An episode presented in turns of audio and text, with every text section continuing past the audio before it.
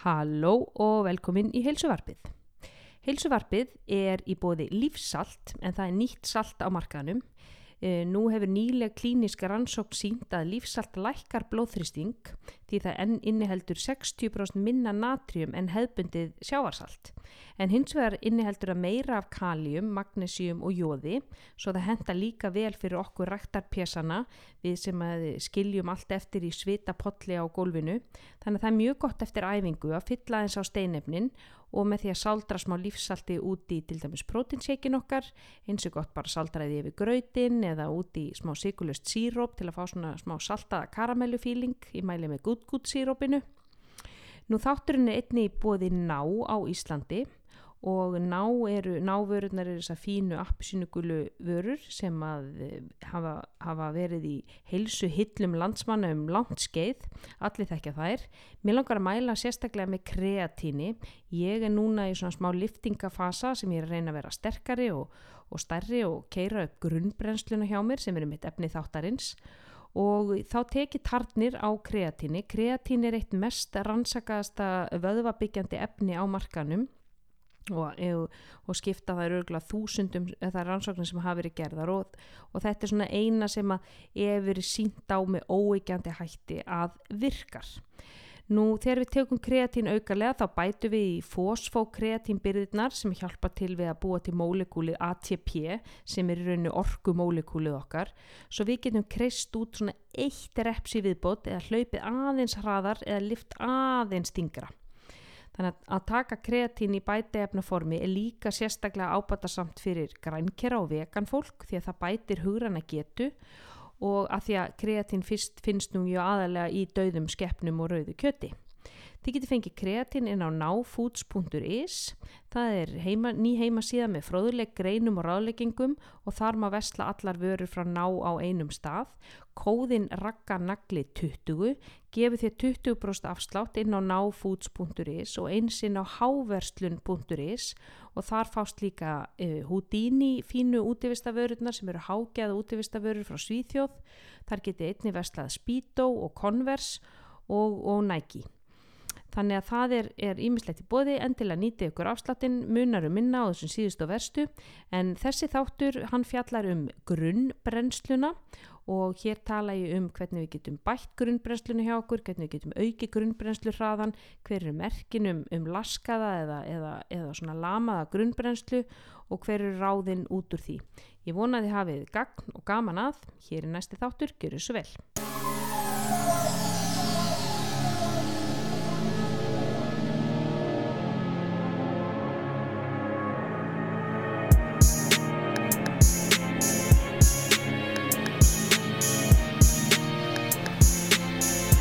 Halló og velkomin í hilsuvarpið.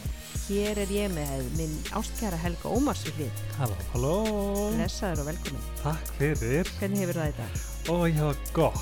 Mm -hmm. erum að gefa mér svo mikið af okkur juicy gumi að ég er bara Já. eins og sattur líl krakki Já, hérna. ég veit að þú fórst beint í nammikassanum. Já.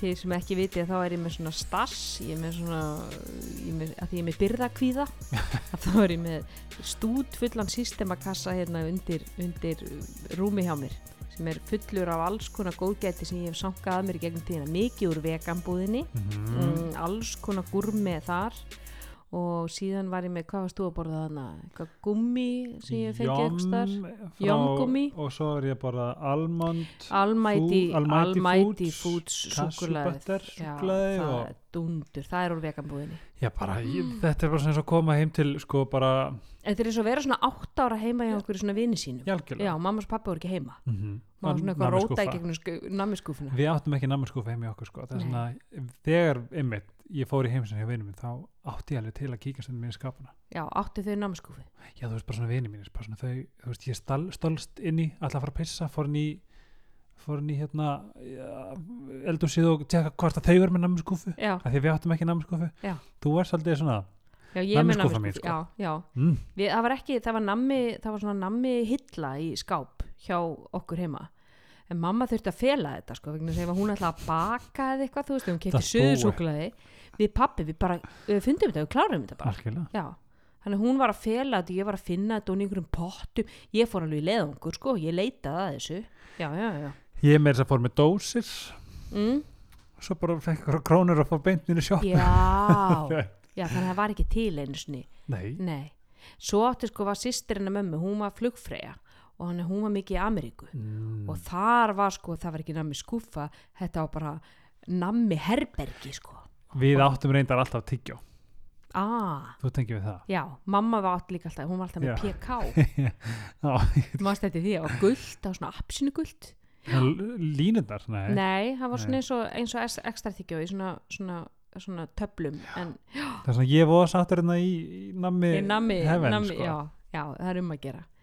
En ég ætla að tala um við þig í dag, svolítið sem að heitir e, grunnbrennsla og svona, já, sumi kalla þetta skemmt grunnbrennsla og ég segi nú ekki skemmt grunnbrennsla, ég segi frekar svona grunnbrennsla sem er svona löskuð sem er, eh, semst, við erum ákveðin grunnbrennslu hraða í líkamannum og hann getur breyst hjá okkur, hann, hann breytist, það eru margir faktora sem hafa áhrif á grunnbrennslu hraða, hversu mikið vöðumassa við erum með hversu mikið við erum að reyfa okkur þú veist það getur verið kyn og aldur og, og það er bara ótrúlega margt sem að hérna, hefur, hefur áhrif. Svefnin okkar til dæmis. Og en svo getur við sagt, haft áhrif á grunnbrennslu hraðan með því að til dæmis að lifta lóðum og auka vöðamassan hjá okkur og reyfa okkur meira þú veist til dæmis ef við höfum verið úti heilan dag, ef við förum til dæmis í sveitina og hjálpum til við heiskap og rollur og eitthvað við erum glór hungruð Mm. ég man til dæmis eitthvað einn daginn sem við vorum að flytja við hjónin ég held ég hafa aldrei verið en svöng það var bara eins og ég hefði aldrei fengið ætan bita ég, því ég var einhvern veginn að allan daginn Já. sko þannig að það er, er eins og ég segi, það er mismunandi og svo suma dag er maður bara hitt songur og þá getur maður oft séð bara "Eh, var ég eitthvað að gera í gær? Nei, ég var ekki að gera neitt sko núna sit ég á móti er bara eins og áhörandi á fremsta bekk af því Mhm. að ég veit ekkert um grunnbrennslu mm -hmm. og ég er mjög forvitin um grunnbrennslu og hvað þetta rauninni er mhm.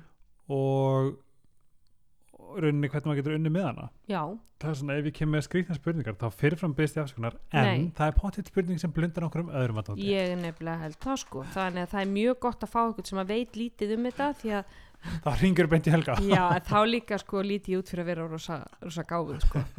en ég get allavega sko svona byrja á því að svona fara í hérna í svona mitt mína sögu varandi grunnbrennslu og, og, og með svona laskaða grunnbrennslu. Það var þegar ég var að keppa í fitness 2007 og þú getur bæði hækka grunnbrennslu hraðin með því að einmitt að auka við vöðamassaðinn og reyfa því meira og og að sko reyna að borða meiri mat.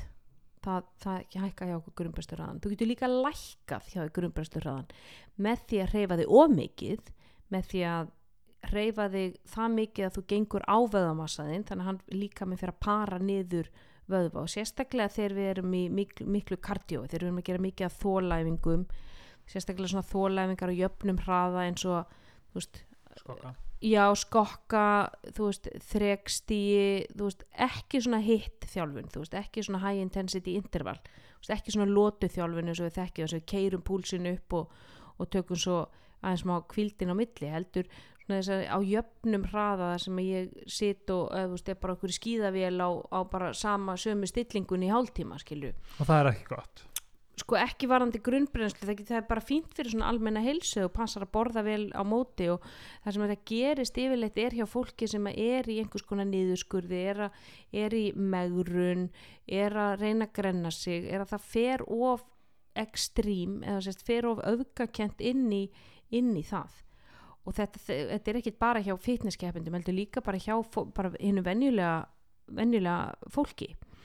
Og til dæmis, þú veist, konur sem hafa farið í hvern megrunarkúrun að fætur öðrum og missa þessi, þú veist, 10 kíló og borða þessu síðan á sig aftur og þá er það búin að fitnum 15 skilur, þetta er þetta, þetta klassíska þess að þú missir ákveðumör kíló þú bætir þeim öllum á þig aftur og líka pluss kannski 1-2 þess að núna kom svolítið í hausnum sem er svolítið áhugavert þegar þú talar um að lifta mm -hmm. að því að okkar fyrsta instinkt sem að ef við viljum nú hugsa að dönsku grennast eða Mhm. þú veist um, það er að bara fara að hlaupa fullt já, og þess vegna er svolítið fyndið þegar þetta kom af stað að, að sko að brennsla í liftingum sé eitthvað þá næstuði kefti maður það ekki út af því að maður hugsaði en ég minna þá er ég ekkert að ég er er ekkert að brenna. Nei, það er svona við sem áhært á skuli segja þetta þegar orðar þetta svona. Það er að því við, við sko leggjum að jöfnu það að brenna fytu hljóta vera þegar ég er móður. Ég þurfa að vera móður til þess að það sé einhver fytubrensla í gangi. En við áttum okkur ekki á því að það er rosalega mikil fytubrensla í gangi innra með okkur lífælislega þegar við erum að lifta lóðum. Þetta er svakalegt áreiti á, á líkamann þar sem að hann þarf að lifta ykkur hlassi þarf að virkja vöðvana til þess að lifta ykkur hlassi hvort sem að það er einmitt að við erum að í hnebegju eða þú veist ég þarf að komast upp úr hólunu ég þarf að virkja alla þú veist að rass og læri og allt saman eða í backpressu þú veist að ég þarf að koma ykkur hlassi ofan af bringun á mér Mhm. og það sendir skilabóð til líkamann sem heyrðu, hei, wow, hvað er í gangi hér við þurfum að kalla alls konar mannskap hérna út á vakt að lifta þessu upp og við þurfum líka við þurfum að, að vera sterkari næst. Mhm. ég meina þetta er bara hættulegt fyrir okkur. Mhm. þannig að þeir, það fara að myndast nýjir vöðvaþræði og, það fer, og hann fyrir að ve, vöðvarnir fara að stækka. Og ég setja fyrir þess að teiknum minn já, ég reyna að setja þetta upp sem einhverja er svona til þess að hafa þetta svona svolítið einfalt fyrir fólki En mér finnst það svo fárlega áhugavert þegar stundum þegar maður stendur orðið að lifta þá hugsa maður, og þú veist, maður vill grenna sig eins og nú er ég svolítið að reyna að kvanta fyrir sömur mm -hmm. og þau skipt sem ég hef verið að lifta þá liggu við og ég er meinda svona lauslega liggu við líðið mér eins og ég sé ekki að gera það sem ég á að gera mér líður þess að ég verið að brenna mm -hmm. far samviskubiti við því að vera bara að lifta því að það er svona auðveldara já, e, já og Mhm. líka það er svolítið svona hið augljósa þess að það er svolítið áhugavert að sitja fyrir fram að þig Mm -hmm. stari augunar Mhm. og heyra þið segja að Mhm. það er líka brennsla og Mhm. það og það er meiri segja sko það sem að er sko við, við, þú ert að brenna þegar þú ferð út að hlaupa þá ert að brenna meðan þú ert að hlaupa þannig að þú brennir x mörgum kalorum þú kemur heim og þú kannski horfir á uh, Fitbitið eða, eða fína Withings úrið sem sem Já. ó, ertu búin að sjá það? Helvíti flott, ég tók nú myndir að þið já, þetta er, uh, ég fekk þetta í Irberg að því ég er, ok, ég veit ekki hvort það er samstærið, þú mátt hvað þetta út ekki en Fitbitið mitt var vestu kaup sem ég, sem ég gert. En ég veit að Polar á að vera snild og þetta, Pólar er mjög fínt ég er rosa spennt fyrir þessu Withings úrinu því að þetta er líka smart úr ég googlaði þetta eftir að ég kom Já, heim sko? ég get sko tengt þetta við síman Já. þannig ég get séð sko ef ég fæ skilabóð síman og svo mælir þetta hjartslátt og þetta mælir, mælir svefnin og það sem ég er líka svo ógæslega flott þetta lúkkar ekki eins og eitthvað svona hlussu Nei, þetta er bara flott Já. úr sko til þess að ég get farið með þetta bara í veislu sko. algjörlega þannig ég er mjög spennt fyrir því. Allavega, þú sérð allavega á veist, þínu, þínum tracker hvað þú notar mm. að þá sérðu alltaf brennsluna þín, ok, en ég segjum að þú fer út að hlaupa og þú kemur heim og ég er búin að brenna hérna einhverjum 400 kaloríum, ok, fínt. Síðan kemur ég heim og þú hættir að brenna. Þú veist, hann brennir bara akkurat þarna. Nema kannski í svona einstaka tilvægin þar sem þú ert að gera svona lótu þjálfun þá verður svona smá eftirbrunni. Já, er eftirbrun ekki alltaf ekki þegar þú ert bara svona jöfnum hraða kannski á bara lágum púlsi kannski á, á þú veist, svona 65-75% púlsi smá skellur þetta ekki ljóðar Smá ég, skellur. ég hleyp á kvöldin til þess að geta hlama mér rúmið og fara að sofa og hugsa ok, ég er að brenna út allan nótt Já, nei, það er okay. og ef þú sko, ef þú tekur lótu þjálfun ef þú tekur sprett þjálfun. Þá getur þú verið að brenna, brenna eitthvað eins meira eftir á. Okay. en bara á jöfnum hraða þá er það ekki þá er ein, mjög lítil. En það er sem sagt uh, og, og, en þegar þú ert að lifta þá ert að brenna það er sko allt frá 24 upp í 72 tíma eftir á er sko massíf brennsla þér í gangi? Já, meiri ha- brennsla en hlaupi miklu, miklu meiri miklu meiri? Já, það er sko, þú veist, það er allt að gerast, hann er að byggja upp, hann er, hann er að gera við sig, hann er að hreinsa út mjölkusýruna og það er bara, það er bullandi eftirbrunni í gangi. það er svona ég ef ég ætla að fara að kötta þá get ég alveg glimt í að vera eitthvað bara, bara hlaupa. Já, eins og ég sagði við um dag, þú sagði, mér langar svo að vera eins og þú, mér langar svo að vera svona, svona, lín já, svona lín og ég sagði við þig, ég lifti fjóru sinni í viku. sko, og lifti, þá er ég bara að lifta þú veist, ég er ekkert í einhverju, einhverju brjáliðum einhverjum, ég er bara good old veist, bodybuilding eða þá í tekstundum olimpíska liftingar, mm -hmm. þar sem að þú ert bara virkilega í svona gamaldags svona styrtar þjálfun og þannig að þú ert að alltaf að, að, veist, að byggja upp veist, meir og meiri massa og þetta sérst er bæði gott fyrir eftirbrjónu líka bara fyrir hormónuna. Þú veist það er engin, það er ekkert sem að keirir upp testosterón í líkamannum eins mikið og hnébegja það er bara það sko það, bara rannsókn sína það að, að það fyrir kallmenn að taka hnébegur það dundrar upp testosterónu so if you wanna be a man you gotta squat. Ég ætla einmitt að spyrja, getur ég þetta er einhvern vinnin í hug sem vantar smá aðeins meir testastörun líka mann. Litli homsinn. Þannig að, að sko, og þetta er líka gott fyrir konur því að þetta jafnar út estrogenið í konur. Þannig að, að, að það að lifta er mjög góð áhrif bara á allan hormóna búskap hjá okkur báðum kynjum. En styrki líka beinin þannig að þú veist, fyrir okkur konur sérstaklega við fáum beinþýningu eftir að, að við erum að hérna, eftir, eftir ákveðin aldur erum komast á, á breytingaskeiðið en allavega þá sko það sem er náttúrulega aðal er svona mitt uppáhald svona benefit af, af styrtaþjálfun er náttúrulega bara hvernig það keirir upp hjá okkur grunnbræslurraða og þú veist við erum náttúrulega bara fólk sem erum bara sitjum mjög mikið, ég mun að sér það við erum hérna búin að sita hérna í þrjá tíma að taka podcast. Mhm. Og ég meina matur er bara allstaðar af, þú veist, þú, við erum hérna umkringda mat akkurat núna. Ég, er með, ég er á þriðja pókanum mínum af gúmínu, mm -hmm, búið með súklaðið mm -hmm. og þetta karamellu mini mús já, það er líka úr, úr það er, er mjölkulöst súkulega úr veganbúðinu og það það minni mig rosalega á hérna til svona, hérna það er ekkur nostalgía í þessu súkulega Sko ég held að vera bara já, Ég held að vera bara já mjölkusúkkulaði. sko. Þetta er ekki ekki gott gott. Já, þannig að við erum náttúrulega bara með mat út um allt Mhm. og, og þannig að það að vera með hraðagurumbreyslu er bara mjög gott fyrir okkur í nútíma samfélagi veist, við, við erum að fara í veislur og allt þetta og veist, við séum ekki hérna að, að hlaða utan á okkur kílóin.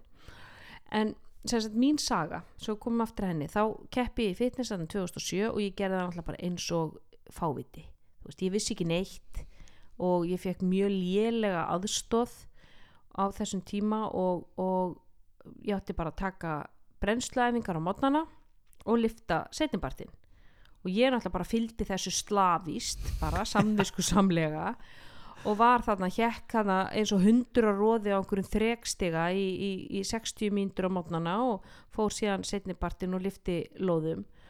Og sko miða við alla þessa hreyfingu og svo var ég að geta svona pff, 1200 kalórir á dag aðalega sem kom úr túnfiski eggjakvítum, kjúklingabrygg þetta var bara, Djöfull var maður, ég veist ég man eftir þessu tím, þetta, var styrlað þetta sko. er fárlegt já, að ég skildi bara ekki hafa farið í snöruna sko að því ég er líka manniski sem bara elska mat og bara lifi fyrir að borða og þetta var svo mat, matmálstíma voru bara ömulegi sko. ég mun aldrei bara túnfisk aftur, aldrei, aldrei, aldrei ég bara kúast sko Já.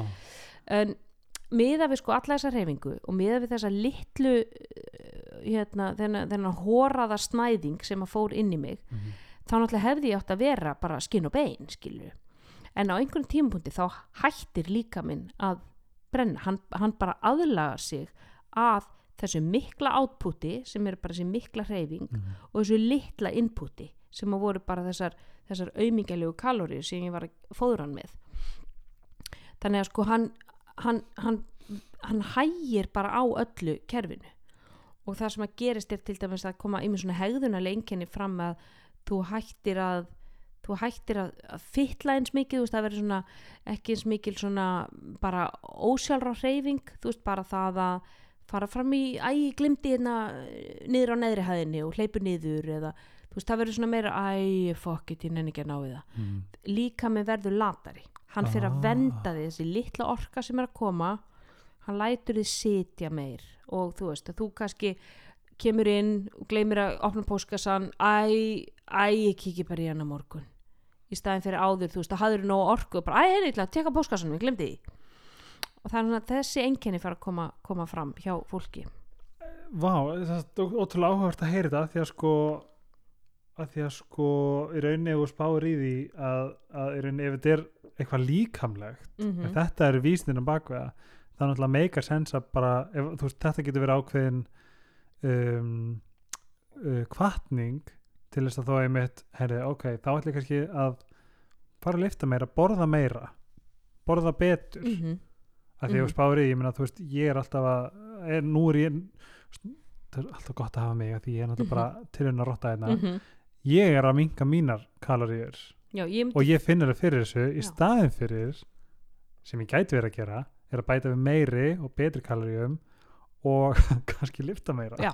í staðin fyrir að vera að hlaupa hlaupa, sko, þú ert að hlaupa og borða minna já, þannig að þú ert núna að senda þau skilabót til líkamanns um að hann eigi að vera mjög passasamur mm. með kaloríuna sínar dagurinn í dag er samt undir þannig já, ég er búin að vera að, Já, þannig að þetta er það sem að þau skilabóð sem að líkaminn fær þegar við byrjum bara, ok, ég ætla bara ég ætla að fara bara og sleikja spínatblað og sjúa ísmóla Mhm. og, og svo ætla ég bara að hlaupa og hlaupa eins og vindurinn. Mm og þá verið mjór, -hmm. aðeinslegt þá er líkaminn bara, ó, ok hann þarf greinilega ekkert á sem veðamassa halda því hann er ekki að lifta einu einasta lóði. Ah, þannig að við bara hendum honum út hann er hvort eins og orkufreku vefur þú veist að hann tekur frá þetta er orkufrekasti vefurinn í líkamannum að hann, hann sko tætir upp kaloríunar þannig að við þurfum ekkert að honum að halda og hann ætla ekki ekki að láta okkur fá neitt mikið að borða þannig að við bara, við hægjum bara á öllu kerfinu. Þetta er alveg eins og þú ert með einhverja lélega sjoppu niður í, í, í upp á smiðjuvegi í Kópavogi og það kemur ekki kjaftur inn. Og hvað gerur þú? Bara lækka niður í opnunum þú slekkur ljósin, þú sparar. Mm, þú spara pening. Ég ætla að halda sjoppinu opni opinni en ég verði einhvern veginn að minka útgjöldin mm, þú veist, ég þarf að lækka ramagsreikningin og lækka hitan og allt þetta. Þannig að sama gerir líka minn ok, þá bara hva, hvað er það sem að kostar mikið, vöðvarnir, þeir kostar mikið. Út með þá. Og þá lækkar niður grunnbrestur hraðan. Vegna þess að sko þegar þú ert að byggja vöðva þá ert að nýta kalur og brenna allan tíman meðan að þú situr á sko báðum raskinunum og horfir á Netflix þá ert þú á fullu ef þú ert búin að vera að taka eh, sko hefi, hefi játarífingar daginn áður. Sko spáði því að opna eitthvað vísindatímarit og lesa, lesa um þetta þess að við erum að tala núna. Mm -hmm, en að tala um sjoppuna mm -hmm, nú veit ég nákvæmlega Mhm. hvað er það að tala um. Mm girl, that's Já. some good information. Já, þannig að þetta er það sem að gerist með, með grunnbrennstunum. Þess vegna, sko, þarna það sem að kom fyrir hjá mér mm var síðan það að ég var greinilega grunnbrennstur og maður finnur ekkit sérstaklega fyrir því. -hmm. Þú getur farið að finna fyrir því jafnvel með að þú ert sjaldnar svangur. Þú veist, þegar grunnbrennsta hjá þér hækkar, þá fer að vera svangur mun oftar. Þegar konur til dæmis byrja að lifta, þá finna að þær fer að vera miklu svangari Mhm. og það breytist öll lífeylisfræði inni, inni þér þú veist, Mhm. að það er, það er alltaf, alltaf gerast. Þegar, þú, þegar grunnbesta hjá þér lækkar þá náttúrulega sjálfsögðar hann ekkert að senda út eitthvað signal um að, að þú sitt endilega svangur. Ég Mhm. meina við erum að, við erum að reyna að passa, passa okkur. Við, þetta verður, hann verður svona eins og eins og haksín húsmóðir. Þú veist, hún á bara lítinn pening og við ætlum bara að passa passa upp á, upp á hérna, allt sem að hverja krónu og hva, hann, þetta er það sem hann gerir. Og þetta er auðvitað bara survivalismi hjá okkur. Mhm. því að þannig við komumst bara á legg þannig að þú veist að matur var bara skortum skamti hann var ekkit alltaf til staðar. Mhm. þannig að þeir sem að, þeir sem að gátu verið svona svolítið passasami með kaloríuna sínar þú veist að vera ekkit sko sá sem að er með sixpack og svo kemur hungursneið hann er í alveg skýta málum sko. Þú veist, það er sá sem er með góðan forða og góða lager, hann er að fara að lifa af einhverju hungursneið þannig að að það að vera með veist, auka kíló er rauninni hagstætt fyrir okkur þegar að, þegar að kemur hungursneið en ég menn hungursneið er bara ekkit yfirvóðandi skilur við, þannig að já, Ég verð að segja samt eitt sem þú fyndi þegar þú talaði við mig um að gera þátt um grunnbrennslu já, þá held ég að ég myndi sitja þetta bara og vita ekki svona hvað ég á að segja. Nei. En ég hef held ekki að segja. Ég finnst það mjög áhugavert er hvernig þú setur þetta í sko, hvernig Mhm. þú setur þetta upp? Mm og þetta getur líka líkt þessu sama við sko, það að vera með góðan veðamassa uh, er svona eins og sért sko þú vilt, þú vilt í rauninni ekki vera haksinu húsmáðurinn Mhm. þú vilt vera er líka með svo bíla. Þannig að þú ert með kannski einhvern lítinn sætan tvingóbíl eða einhvern svona kía þú veist, sem bara er ótrúlega sparneitin og þú getur bara farið ótrúlega langt á bensínlítranum. Þú vilt ekki vera hann þú vilt vera einhver gamaldags amerískur kátiljákur sem að bara, þú veist bara legur bensíni þú veist, þú kemst alltaf út úr hverfinu á sko tanknum þú vilt vera hann. Af því þá, þú veist, það að geta borða meira já, það er okkur alltaf í hag sérstaklega bara í nútíma samfélagi án þess að sko að það smyrji stutan á okkur mjög mikið. Þannig að við komum aftur að þessu, þessu fitness dæmi síðan eftir ég kefti þú veist, og ég náði eitthvað að hóra mig niður og eitthvað en þú veist, ég meni alltaf ekki með vöðvamassa sko, fyrir, fyrir sko, tíkall sko.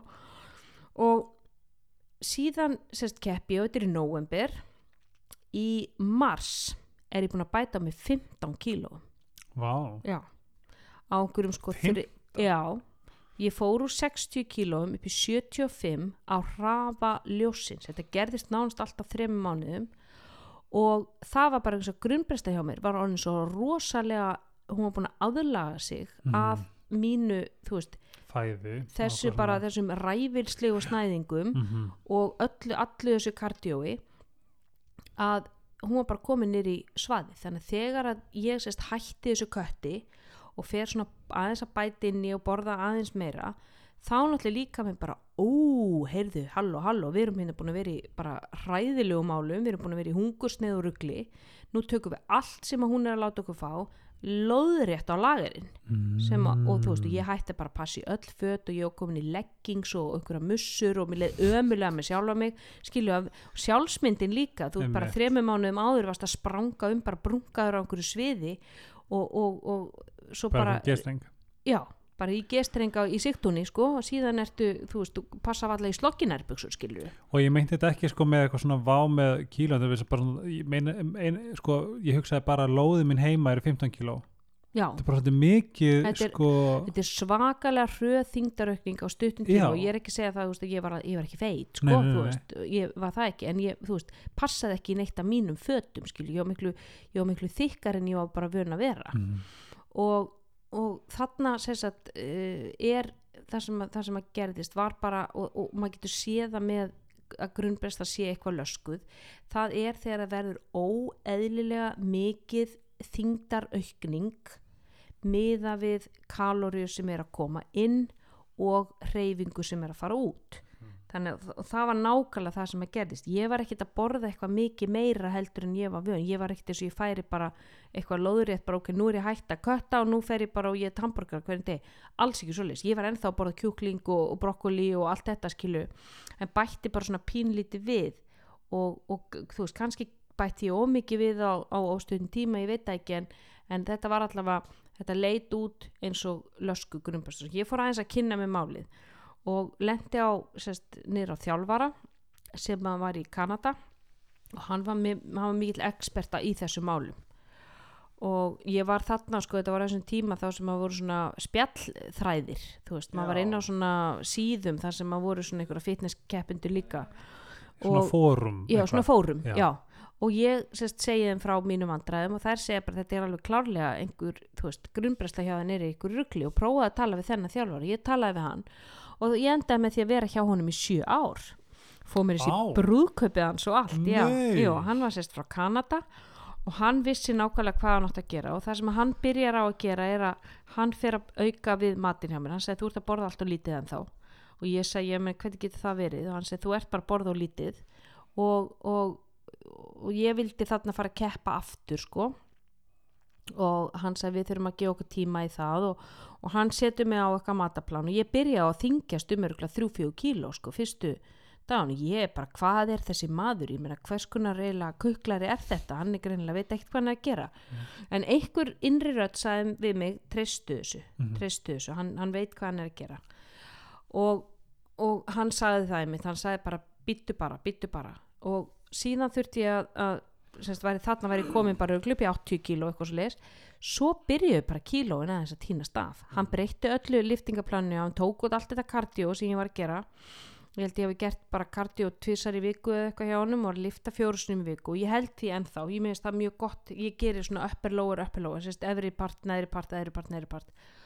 Og, og það hefur alltaf virkað rosa vel fyrir mig að skipta líkamannum upp þannig versus það að taka, þú veist, axlir þennan dag. Þú veist, þá ertu bara að senda vöðvabyggjandi signal til líkamanns einu sinni í viku já, bara í þennan vöðvahóp og svo bara ekkert í sjö daga. Einmitt. Þannig að ég tek þá, þú veist, tek axlir og brjóst og svona, þú veist, tvísar í viku þannig að það líður aldrei neitt mjög langt á milli. Bara efri partur mándagur þriðan neðri partur ég kannski til dæmis tekið sko, kannski eins og ég tekið þá tekið ég kannski mánudag efri part uh, þriðjudag einhverja svona crossfit eitthvað svona smá cardio based uh, miðugudag fætur fimmtag kannski frí mm. föstdag efri part ah. þú veist, þannig en líka bara þægild að skipti sér að þannig mjög ég man ég var alltaf einhverju bak og Mm. brjóst eða eitthvað svona þetta er svona gamla bodybuilding splitti sem er, getur verið ágætt í stuttan tíma til þess að sko kannski fá upp einhvern einn, einn líkamsluta sem þú vilt kannski stækka og, en fyrir svona fólk sem er almennt bara að lifta þá finnst mér þetta splitt mjög gott Mhm. og já allavega og ég finnst að byrja að lifta þarna og, og, og bara með tímanum og þetta tók mig tvö ár þar sem að bara líka með minn fór að bregðast við eins og hann átt að gera Mhm. Og að koma mér út úr veist, og þetta var náttúrulega ekkert bara þetta fitness dæmi heldur var ég líka áður ég var í Bretlandi þarna á þessum tíma í master í heilsusálfræði og þar var ég líka bara þú veist á, á fullu í skíðavélinni að brenna allt á mótnana og lifta á kvöldin og ég var bara að æfa allt og mikið Mhm. borða allt og lítið og, og hérna þannig ég var, var að koma frá mjög vondum stað bara svona nokkur ára vesenni sko Ég hugsa bara að það hljóta að vera fleiri sem að hafa díla við þetta og kannski núna ennþá sko vita voða lítið um eða sko hafa kannski spáð í því að þetta sé grunnbrennsla sem er að hafa áhrif mm -hmm. þess að það er líka svolítið bara mikilvægt sérstaklega nú er ég bara að læra Mhm. hvað þetta er Vist, hvað þetta er mikilvægt bara fyrir marga að skoða Já, og vegna þess að það er líka rosalega margir og ég fæ alveg til mín þar sem að þú veist, eru konur sem að kannski er að borða í álfurinni bara svona þúsund kaloríur á dag og þetta eru Mhm. kannski konur sem eru 85-90 kíló og það haggast ekki sko gram af þeim. Einmitt. Og það skilja þetta ekki og það er náttúrulega auðvitað frustrasjón og byrju ég er að gera, ég held að ég sé að gera allt rétt. Og maður, maður svona fyrst auðvitað byrja maður að efast byrju ert ekki bara, ert ekki, ert ekki að borða eitthvað sem þú ert ekki að skrifa niður að láta hann vita og, og þú veist og það er ofta ekki raunin. Mhm. og þá getur maður að líka minn er bara búin að aðlaga sig og hann er bara í stoppi. Mhm. og þá er bara, þá þarf að fara í ferli sem að getur tekið mjög langan tíma og það er sérst að, að bakka hægt og rólega út úr þessu. Þannig að þú setur bara í, í bakkýr og þú gerir bara ok, nú fer ég bara tilbaka. Og hvernig gerir ég það?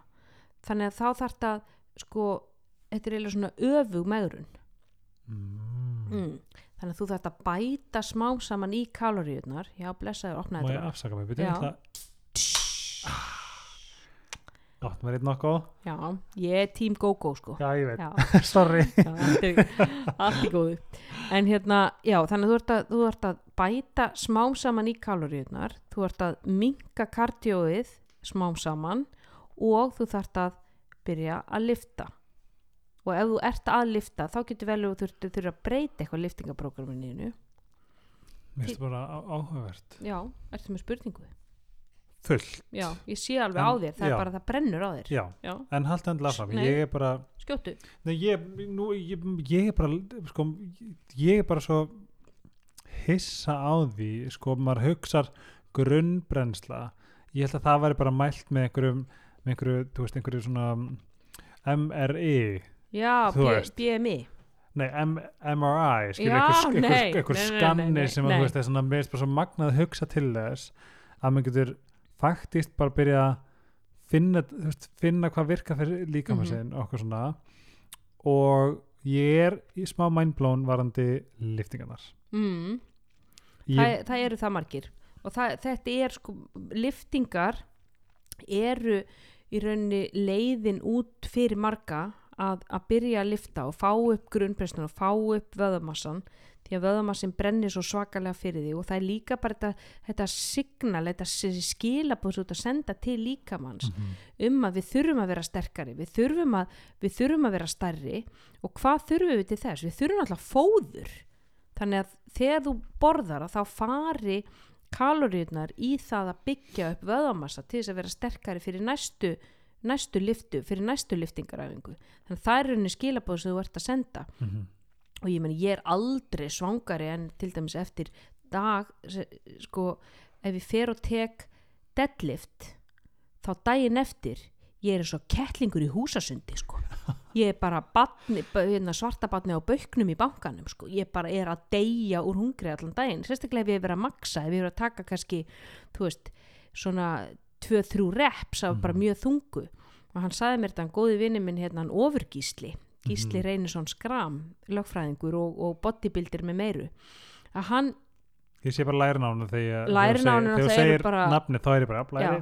Lærin á honum er náttúrulega epísk og maðurinn er náttúrulega líka alltaf í einhverju neon spandexbuxum til þess að íkja upp lærin. En hann er náttúrulega bara draumur í dós þessi maður. Og hann sagði alltaf á þálagsmessu þá tekið þunga deadlift þannig að þá er ég sturdlaður á aðfangadag þegar ég kemst í, Mm. kemst í, í Svangur? Ah. þá er svo mikið plás hann sagði alltaf á þálagsmessu þá er deadað þannig að þetta, er- er gott ræðið, þú ert til dæmis að fara eitthvað þú sérðu, ok, heyrðu, ég er að fara inn á hlaðborð á morgun eða ég er að fara í júlefrókost eða ég er að fara í eitthvað ammæli blessaði dettaði dettaði svo vindurinn daginn fyrir. Mm. þannig að þarna þú veist, þá, þá þannig hættir hann að vera hagsít með kalorínu og tekur hann kalorínu inn og hann nýtir þær í, í eitthvað gott veist, sem er að, að byggja upp vöðva. Þannig að, að þetta er, er sagt, og það er mikil vísind að baki það er búið að skoða grunnbrennslu mjög mikið og, og það sem ég sjá til dæmis er að, að sérstaklega með tilliti til þess að vera í stöður í megrun. Þú ert alltaf að borða of lítið, þú ert að borða miklu minna heldur en það sem að líka með þarf. Og það er bara það sem að rosalega margir, sérstaklega konur eru bara eh, árið út og inn og fara síðan inn á milli í svona ofátskýr. Þannig að það er farið í einhverja megrun ok, já, nú á að bara aldeilis að taka á því og það er bara eh, hérna, salatblaðið og, og kjúklingurinn og eitthvað og þetta er náttúrulega hundleðilegt og, og þú hatar máltíðina og hatar lífið og allt saman og svo bara springur á liminu og, og, og, og slátrar hérna, lakrisreimunum öllum einhverjum bak við hurð. Og þú ert allt í hennu búin að geta kannski 5.000 kalorir á einu kvöldi. Og það sem að gerist er að þegar þú ert búin að vera hangandi á horri minni svona lengi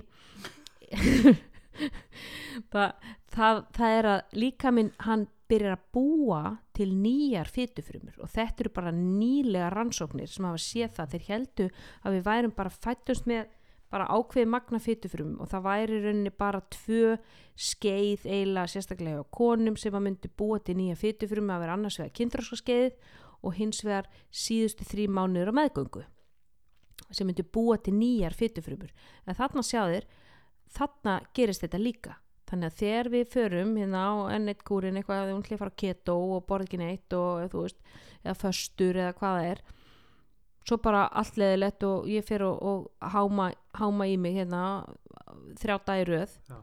að þá er búið að búa til nýjar fytufrumur Jó, þetta veði sé til dæmis sko í músaransóknum og rotturansóknum það sé að gefa fólk, eða gefa rottunum bara fjálsan aðgang sveltaðir og svo fá þær að geta bara eins og að geta og þá sjá þær aukningu í fytufrum mm.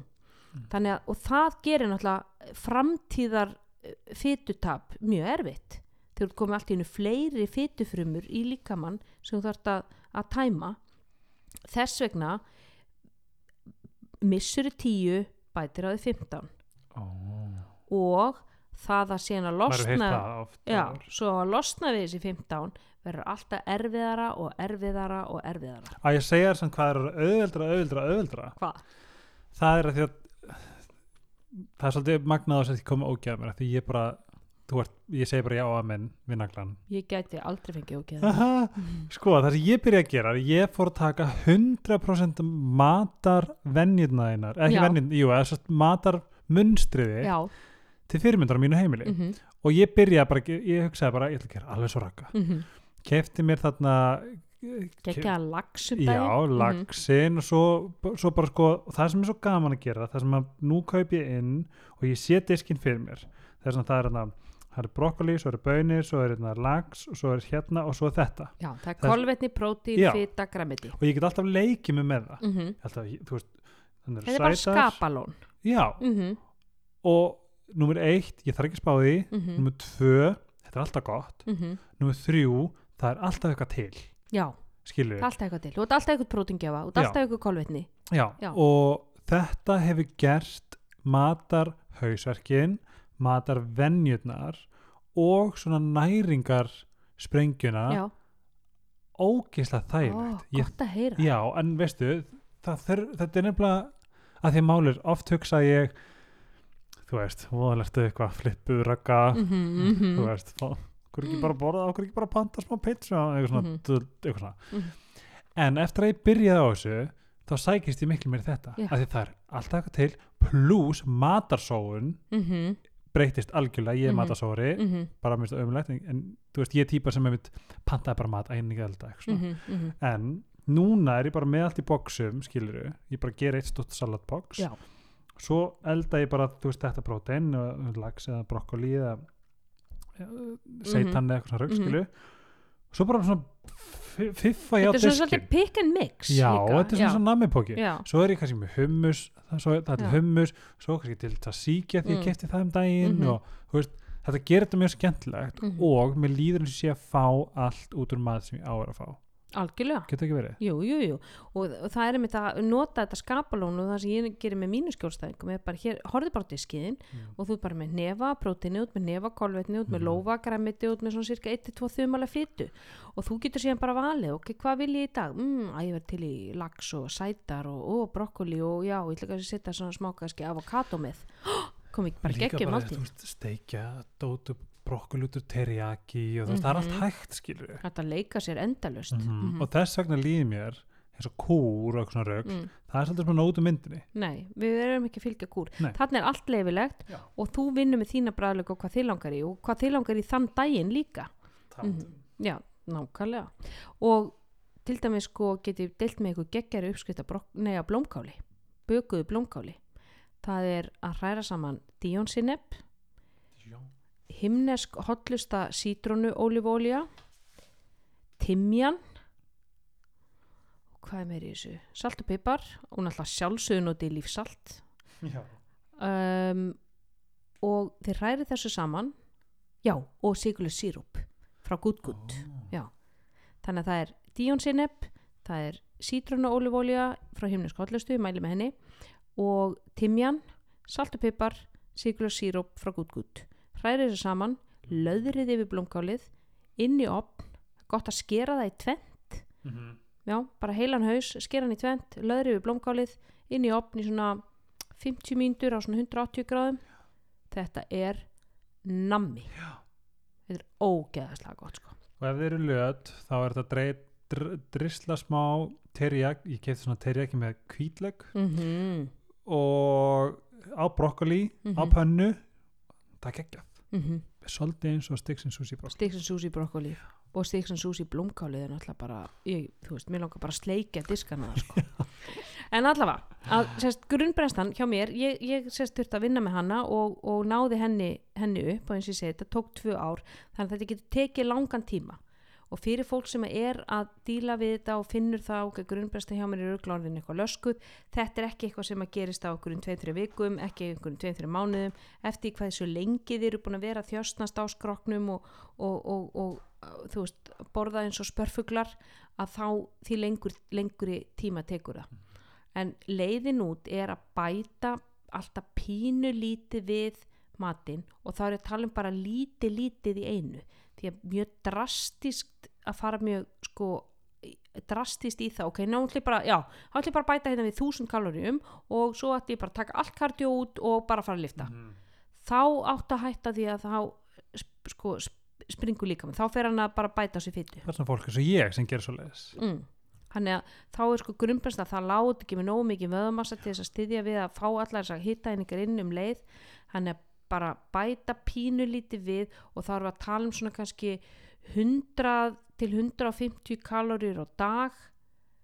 Bara fyrst sko byrjaði kannski bara á 50 kaloríum eina vikuna og bættu síðan við öðrum 50 næstu viku. Mm. þú veist, þú getur farið bara mjög hægt og rólega í þetta. Ef þú ert alveg tilbúin að ok, ég er alveg tilbúin að bæta pínlítið á mig til þess að fá aðeins sko, og gera þetta aðeins drastiskar þá getur alveg bætt við 250 kaloríum á viku eða sérst á dag per viku. En þá verður að vera undirbúin til það að hann, hann mun taka það og sapna því á sig.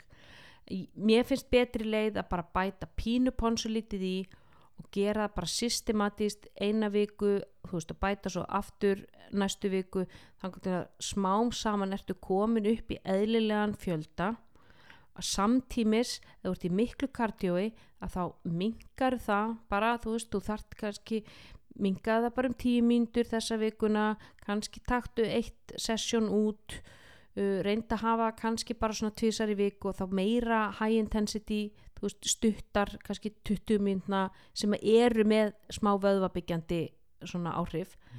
Þannig að kannski tvo sólið sem eru bara ekki nema 20-30 mínútur og, og fókus á liftingarnar kannski 3-4 snum í viku.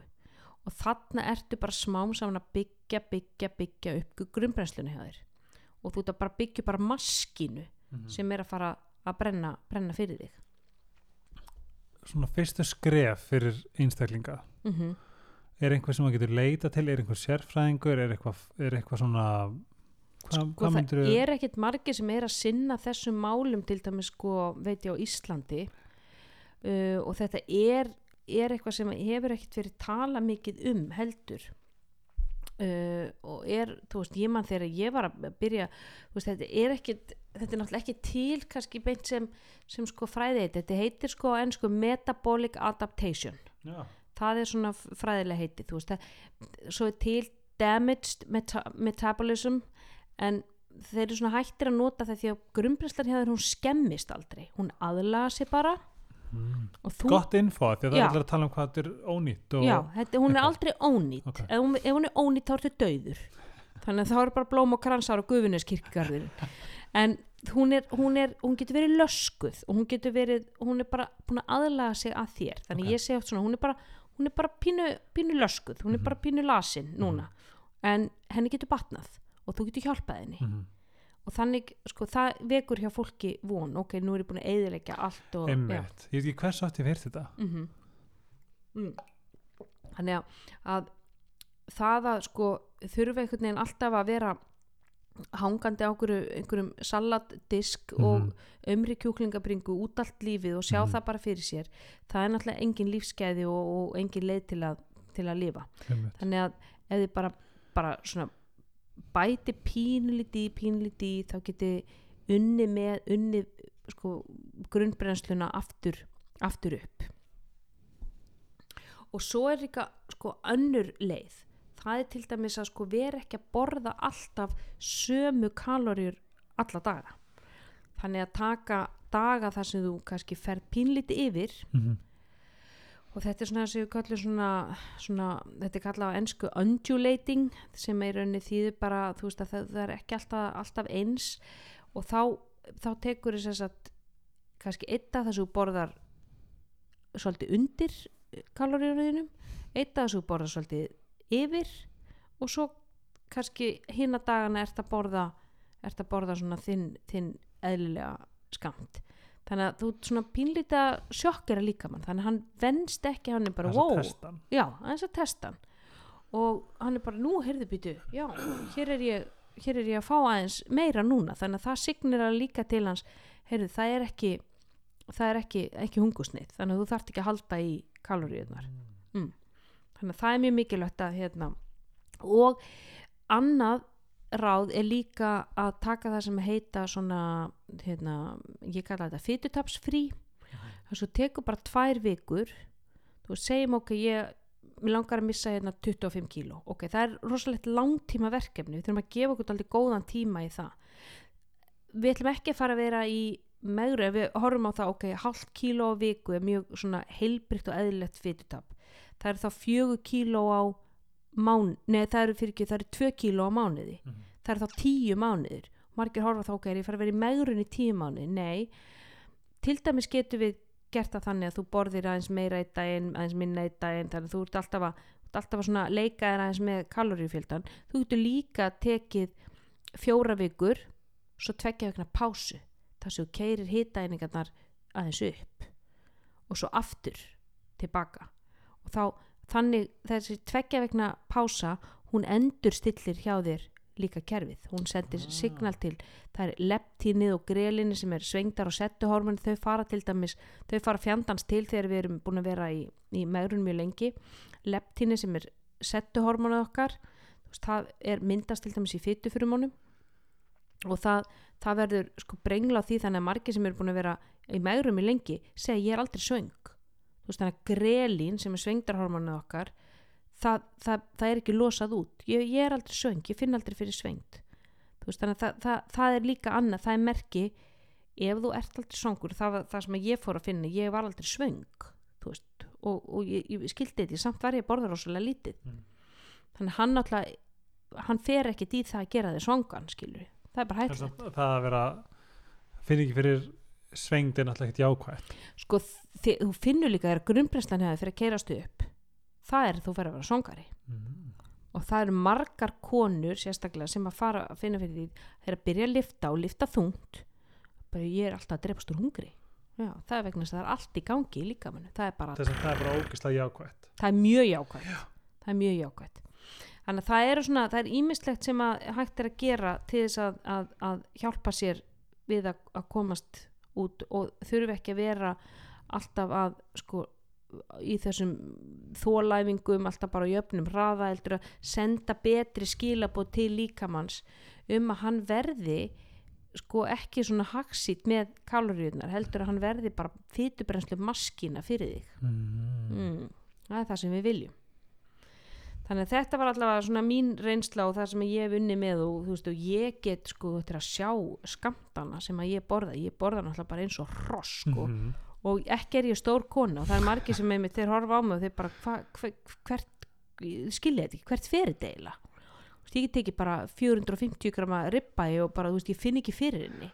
Þannig að það er bara ég er með, með mikinn vöðumassa ég er búin að lifta náttúrulega í 20 ár Mhm. ég er með mikinn grunnvöðumassa og ég reyfi mig mikið og, og ég reyfi mig greinilega rétt og er bara grunnbrensla hjá mig, hún vinnur með mér Mhm. þú veist, hún, hún er hún er örug hann veit hann er alltaf að fara að fá nóga mat og, og þá á ég líka auðveldar með, ok, mér langar kannski að að kötta mig niður fyrir sumarið kannski ná að mér inn 2 kílóum Mhm. þá er það svo auðvelt fyrir mig að því ég er að borða svo mikið nú þegar já það er líka- Já, Það- þannig að það er líka það að þú vilt heldur ekki fara að, að ok, mér langar aðeins að skera mig niður en hvert fer ég þegar ég er að borða 900 kalorir fer ég í 700 það er svona um það sem að meðal kettlingur þarf á dag skilur við, þannig að þú getur ekkit alltaf farið endalist bara neðar og neðar ef þú ert nú þegar mjög neðarlega. Mhm.